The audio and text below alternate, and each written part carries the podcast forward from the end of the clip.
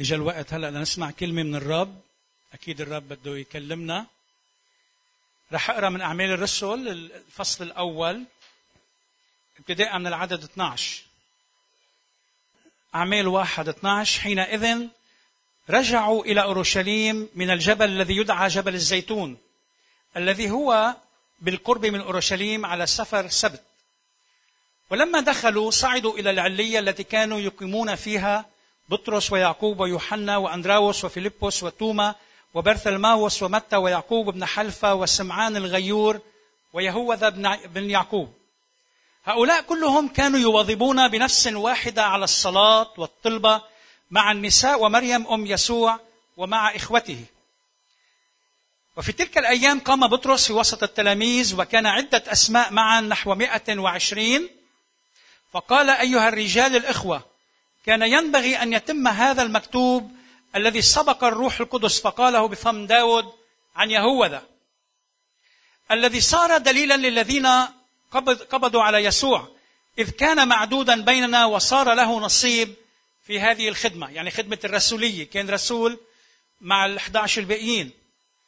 الذي صار دليلا للذين قبضوا على يسوع إذ كان معدودا بيننا وصار له نصيب في هذه الخدمة. فإن هذا اقتنى حقلا من أجرة الظلم وإذ سقط على وجه شق من الوسط فانسكبت أحشاؤه كلها.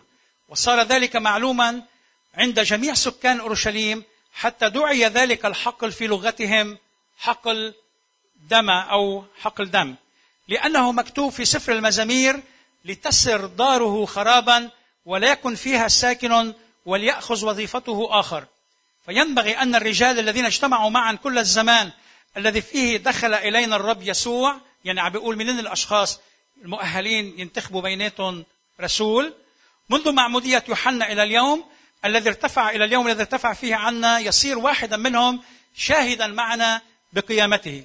فأقاموا اثنين يوسف الذي يدعى برسابة الملقب يوستوس ومتياس. وصلوا قائلين أيها الرب العارف قلوب الجميع عين أنت من هذين الاثنين أيا اخترته؟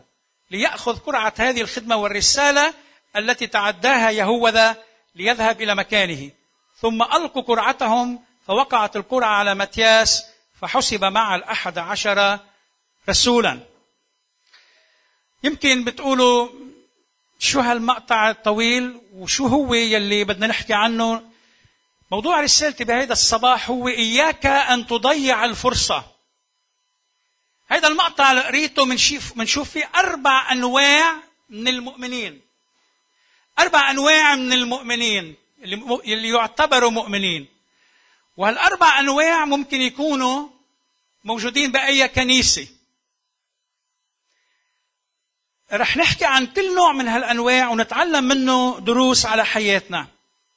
هالأربع أشخاص هالأربع فئات أو مجموعات أعطيت فرصة ذهبية فرصة عظيمة لبل أعظم فرصة في الحياة.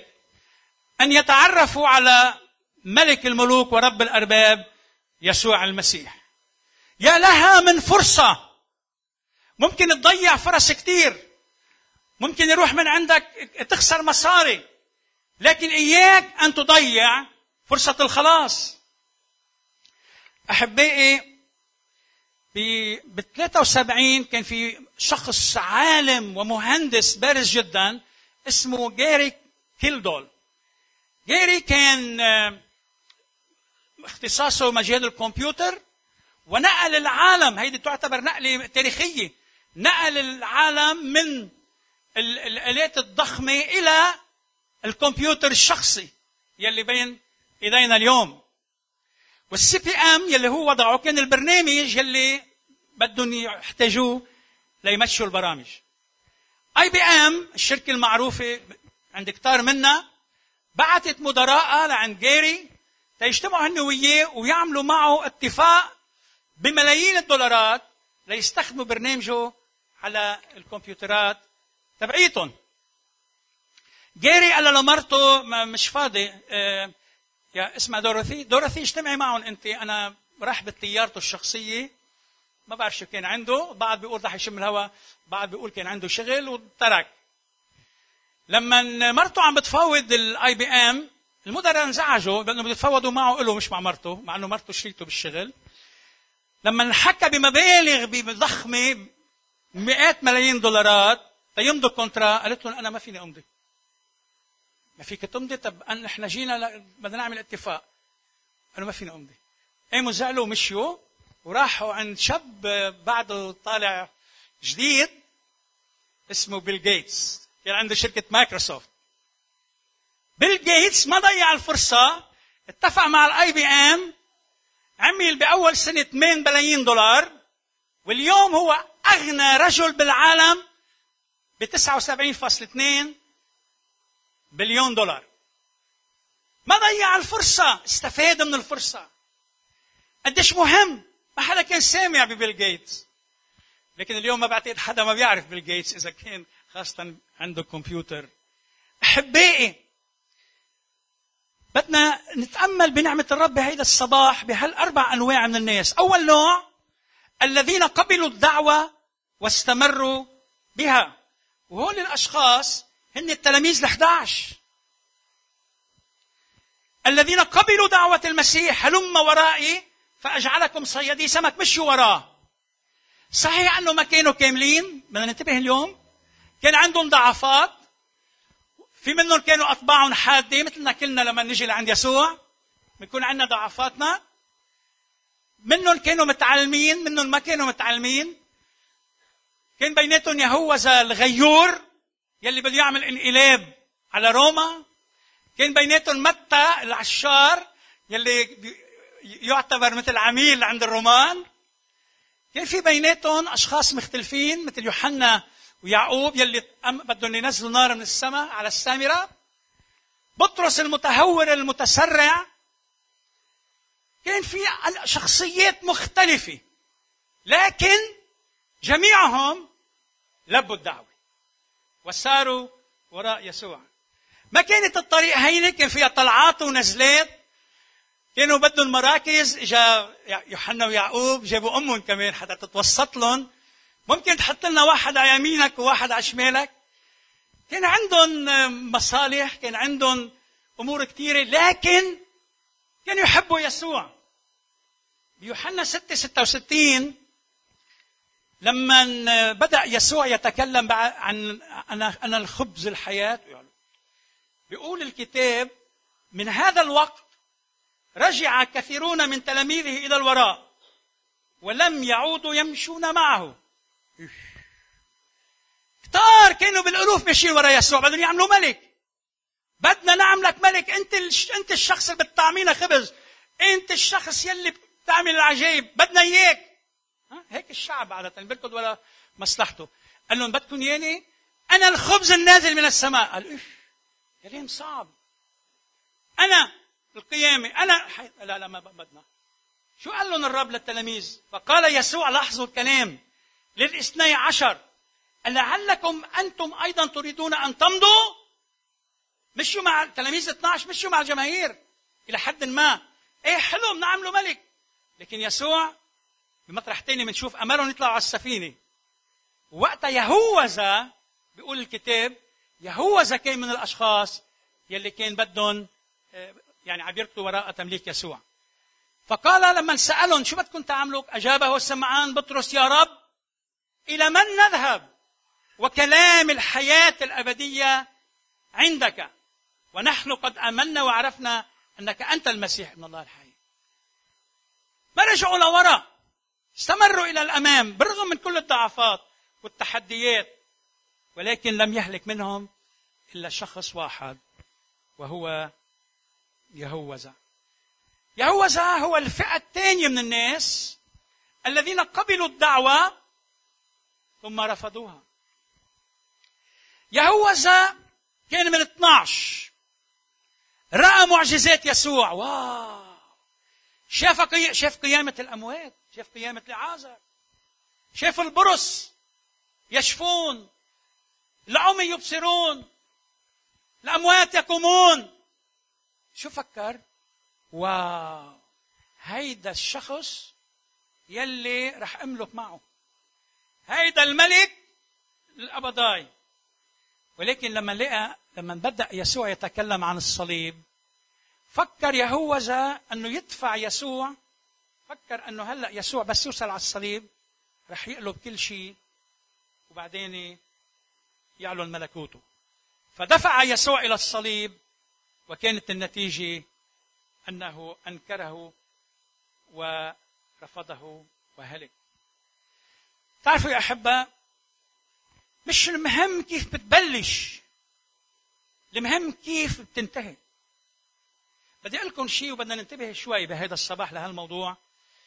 في عنا نحن ميل كمؤمنين خاصة بكنائسنا المعمدانية عندنا ميل إلى أنه جددنا يعني وصلنا على الشط خلص. انتهت أنا مؤمن كما لو أنه خلص انتهت الرحلة. لكن هيدا خطر كبير. لأنه في عنا كثير أمثال بالكتاب المقدس أنه عن أبطال أبطال. لكنهم سقطوا. فبك تفحص نفسك قدام الرب. من أي نوع أنت؟ هل أنت عم تجي جيت لعند يسوع ومستمر؟ أم أنك عم بتفكر بركي تغير طريقك؟ من حوالي شهرين شخص من الأشخاص اللي بشرتهم بيسوع صار طبيب بأمريكا وشاب حلو طويل عضلات يعني ما ناقصه شيء أبدا. وآخر مرة حكيته على التليفون قال لي أنا مع يسوع. قبل ما أجي لهون كأنه الرب عنده خطة. دق لي عم بدق لي يعني بتوقيت أمريكا يعني عم بدق لي يمكن اثنتين ثلاثة بعد نص ليل. قال لي وليد دق لي ثمان مرات بس حاطط خطي أنا silent ما انتبهت. رجع دق لي فتحت. قال لي وليد عم يحكيني وسكران قال لي وليد بدأت شك بيسوع. قلت له حبيبي انطرني أنا بس ارجع من الكنيسة بحكي معك. مش المهم تبلش. بس تكون الظروف صعبة. بس يكون في تهجير. بس يكون في مصاري قليل. بس يكون في عندك تجربة أنك تتخلى عن يسوع لأجل أشياء تانية مادية. ماذا تفعل؟ أحبائي إذا بتقرأ رسالة العبرانيين أنا أنا ترجمت العبرانيين وهذا أعطاني فرصة أتعمق فيها أكثر رسالة العبرانيين بتقدم إنذار مخيف للذين قبلوا يسوع. ثم تراجعوا. هؤلاء اللي بيقول عنهم لأي الصعبة اللي هي منا صعبة لا يمكن تجديدهم ثانية. لأنه شو؟ صلبوا المسيح. داسوا على ابن الله. ازدروا بروح النعمة. يا بي هالكلام شو قاسي فيك تتخيل أنه الشخص اللي بيترك يسوع هو يدوس على دمه؟ طبعا شيء مخيف. والرب لا يسمح أن يكون بيناتنا هيك أشخاص. في شخص اسمه أرنولد بنديكت بأمريكا. كان قائد كان جنرال بالجيش. حارب ليحرروا أمريكا من الإنجليز. لكن بعدين انعرض عليه مصاري. كأن البطل عم بيحقق انتصارات. انتقل من الحرب ضد الإنجليز إلى الحرب مع الإنجليز. بيقولوا لك قد إيه اعطوه معاش وقد إيه اعطوه مصاري. ولكن كل الولايات المتحدة كل أمريكا اليوم تعرف لما نتقول لهم بندك بيقولوا لك هذا الخاين. خائن. راح كخائن. ماذا عن شاول؟ شاول الملك. يلي آه، حل عليه روح الرب وانتصر بالحرب. شاول يلي كان الله أقامه ملك على إسرائيل مسحه صموئيل. شو كانت نتيجته؟ قال له الرب يا بي ما أصعب العبارة قال له الرب يا صموئيل إلى متى تنوح على شاول؟ وأنا قد رفضته. راح للهلاك. ماذا عن جيحزي جيحزي اللي كان خادم عند أليشع. أليشع النبي العظيم. يلي شف شاف جيحزي بعينيه مركبات النار تحيط بأليشع. شاف نعمان السرياني عم يشفى. شاف ابن الشونامية عم بيقوم من الموت. جيحزي اللي كان أليشع بيعتبره خليفته بدليل أنه لما اجت المرأة الشونامية لعنده عطاه العصا. قال له خذ العصا وأقمه. قال له لا لا. بتزبط معي هيدي أنت بتعملها. جيحزي ضربوا البرص. والهلاك لأنه نظر إلى مال نعمان وترك دعوته الفئة الثالثة من الأشخاص هن يلي رفضوا الدعوة بالبداية ثم عادوا فقبلوها. العدد 14 يحكي لنا عن إخوة يسوع يعقوب ويوسي سمعان ويهوذا. ما رح فوت بهذا الموضوع من هم إخوة يسوع؟ هنالك ثلاث آراء البعض بيقول هن إخوته حرفيا البعض بيقول أنه هدول إخوته من يوسف قبل أن يعرف مريم كان مزوج وكان عنده أولاد. والبعض بيقولوا أنه أولاد أولاد خالته. مش مهم؟ المهم بالموضوع أن هؤلاء كما نقرأ بيوحنا سبعة خمسة لم يكونوا مؤمنين به. أخوته كانوا ضده. كانوا رافضين رسالته. حاولوا يوقفوه عن الخدمة لأنه هددوهم الفريسيين أنه إذا بده يضل يسوع يتصرف بالطريقة رح نشحطكم كلكم بالجملة من المجمع. حاولوا أنه يوقفوه مشان هيك راحوا لعنده. من قالوا له هو ذا أمك وإخوتك. يبدو أنه كان بهالإطار مثل ما بنفهم أكثر من من يوحنا. أنه خلصنا بقى بكفي. بكفي هالقد آه، حماس وقفنا هالرسالة تبعيتك رح تخرب لنا بيوتنا. لكن ماذا الذي حصل؟ ليش بالعلية بنرى يعقوب وأخوته نلاقي أخوته هنيك موجودين؟ نعرف هالشيء لما نروح على كورنثوس. يبدو أن الرب يسوع المسيح لم يترك إخوته بل ظهر بعد قيامته. ظهر عليهم. وتكلم لهم وتغيرت قلوبهم. وتبعوه. وخيو يعقوب فيما بعد صار صار أسقف لكنيسة أورشليم. بلشوا غلط. حاربوا يسوع ولكنهم عادوا وتوجوه ملك على حياتهم كلنا هيك. أنا أول ما جيت ليسوع كان كثير صعب علي إجي ليسوع وأعيش حياة القداسة. لكن بعدين رجعت وقلت له يا رب أنا بجدد عهدي معك. أنا ما إلي غيرك. أنت أنت ربي وإلهي. إذا في أشخاص بيناتنا بعد ما أخذوا القرار ما تأخر الوقت. بعده الباب مفتوح باب النعمة.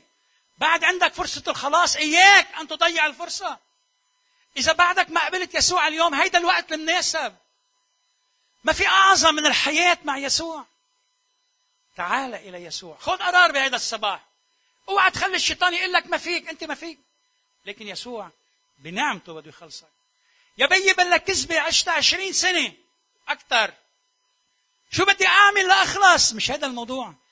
يا ما ناس ما عم بيجوا عند يسوع لأنه مفكرين شو لازم أعمل لأخلص. نتناول وبنعترف وبنعترف وبنتناول وبنرجع مطرح ما كنا. وبنرجع للخطية. لكن يسوع علمني درس. أعطاني الرسالة وقال لي أنت ما بدك تعمل شيء. بدك تيجي لعندي. سلمني حياتك. وأنا بغيرك. أنا بالروح القدس بغيرك. وبخليك بعطيك القوة لتقدر تعيش القداسة. أحبائي يسوع ما ترك أخوته ولا يترك إنسان في بقلبه سؤال أو عم بفتش عن يسوع. نقرأ عن ببداية الإصلاح بإنجلترا. بسنة 1500 يعني بال 1500 والستينات اجى على وقت هنري الثامن كان توماس كرانمر كان رئيس اساقفه كانتربري. توماس بعد ما اجى الملك جيمس وكان وكان عمل كثير إصلاحات بالكنيسة وكان بطل يعني بدأ يغير بكنيسة إنجلترا لكن ظروف قلبت الايه كان هنري الثامن عنده مشاكل مع الكاثوليك فكانوا حارمينه وبالتالي ما كان في مشكلة قدام توماس. وعلى أيام الملك جيمس نوضع الكتاب المقدس وكمان كان ما في مشكلة بس. شاءت الظروف أن تأتي ماري الاولى وكانت متعصبة جدا ها وحطتهم ثلاثة بالحبس ثلاثة القاضي. حطتهم بالسجن وأمرت بإعدامهم. قالت له لتوماس إذا ما بتتراجع بتموت. فتوماس مضي على التراجع تنازل عن كثير أمور قالها. ولكن بعدين بعد سنتين بالحبس أدرك أنه أخطأ. ولما إجوا تيحرقوه أخذ إيده قدام كل الموجودين قال لهم هيدي الإيد يلي أنكرت يسوع لازم أحرقها أول شيء. وضع إيده بالنار وقال لهم أموت على إيماني بيسوع ولن أتراجع. غلط ياما أشخاص بيضعفوا. كم واحد منا حقيقة عنده الجرأة أن يعطي حياته ليسوع؟ إذا كان الموضوع جدي. كثير قدرت أنا عم شوف إعدام الأشخاص القبطيين. لما أعدموا الأقباط يلي كانوا بليبيا أعدمون على البحر اللي أثر فيي أن هؤلاء كان بإمكانهم أن ينجوا من الموت لو أنهم قالوا لا ليسوع لكنهم رفضوا وماتوا. ماتوا كأبطال ماتوا كقديسين. وعم بقرا عن أبطار من أشخاص بسوريا. مش بالضرورة بالكنيسة الإنجيلية من غير كنائس كمان. ماتوا ورفضوا أن ينكروا يسوع. ولكن أسأل نفسي وبسأل كل واحد منكم هل نحن جديين لدرجة إذا وصل السكين لرقبتنا منموت ولا ننكر يسوع؟ شفنا شو عم بيصير بالبلدان اللي حوالينا وعن هجرة المسيحيين. في معنا أخت اليوم من الذين تهجروا من بيوتهم. بعد في لبنان. ومطامع إبليس أن يمحوا ذكر يسوع من العالم مش بس من لبنان. ولكن يا كنيسة لبنان هل أنت أمينة؟ رب يساعدنا. المؤتمر يمكن هو إحدى المحطات الروحية اللي فيها نختلي بأنفسنا نختلي بالرب وكجماعة نأتي لكي نقول يا رب حولنا لكي نستطيع أن نحول الآخرين. وآخر نقطة أحبائي هنالك أيضا من قبل الدعوة وتكرس لها. من قبل الدعوة وتكرس لها. شو يعني؟ شيء بيفرح القلب بكنيسة بكنيستنا اليوم؟ بفرح قلبي كثير وأكيد بفرح قلب كتار بيناتكم إنه نحن اليوم ما بقى عم نفكر إنه نحن بس مؤمنين لكن عم نفكر كيف نخدم يسوع كيف نكون فعالين كيف نربح نفوس للرب كيف نغير الناس الذين حولنا ها؟ كل التلاميذ أكلوا وشربوا مع يسوع ثلاث سنين بس بلشت خدمتهم لما قال لهم يسوع اذهبوا إلى العالم أجمع وجيبوه لعندي كانوا بالأول تلاميذ هلا قال لهم روحوا تلمذوا طبعا منضل تلاميذ لكن إذا أنت تلميذ للرب صار الوقت التلميذ شو عم تعمل بحياتك اليومية؟ شو عم شو الدور اللي عم تلعبه في كنيسة يسوع؟ أنا بعرف أنه الله أعطى كل واحد منا مؤمن بيسوع موهبة. هل تستخدم هذه الموهبة لمجد يسوع المسيح؟ تيموثاوس كان شاب خجول ولكن فيما بعد كان الوكيل تبع بولس وصار أسقف وصار يحل أمور الكنائس. يوحنا كمان كان يشرف على كنيسة أفسس. كل واحد من تلاميذ الرب. مرقس كان ولد صغير. بعدين بنشوف أنه مرقس كانوا بحاجة له الرسل لا سيما بطرس وبولس. ما هي الدعوة اللي عم يدعيك إياها الله لتتكرس لإلها؟ شو هي موهبتك؟ بتعرفوا كثير تأثرت. تأثرت لما بتطلعوا على على رافي مثلا وخليل وغيرهم. إنه هؤلاء الأشخاص بنشوف هالنمو ها؟ عندهم موهبة عن موهبة عم تنمى.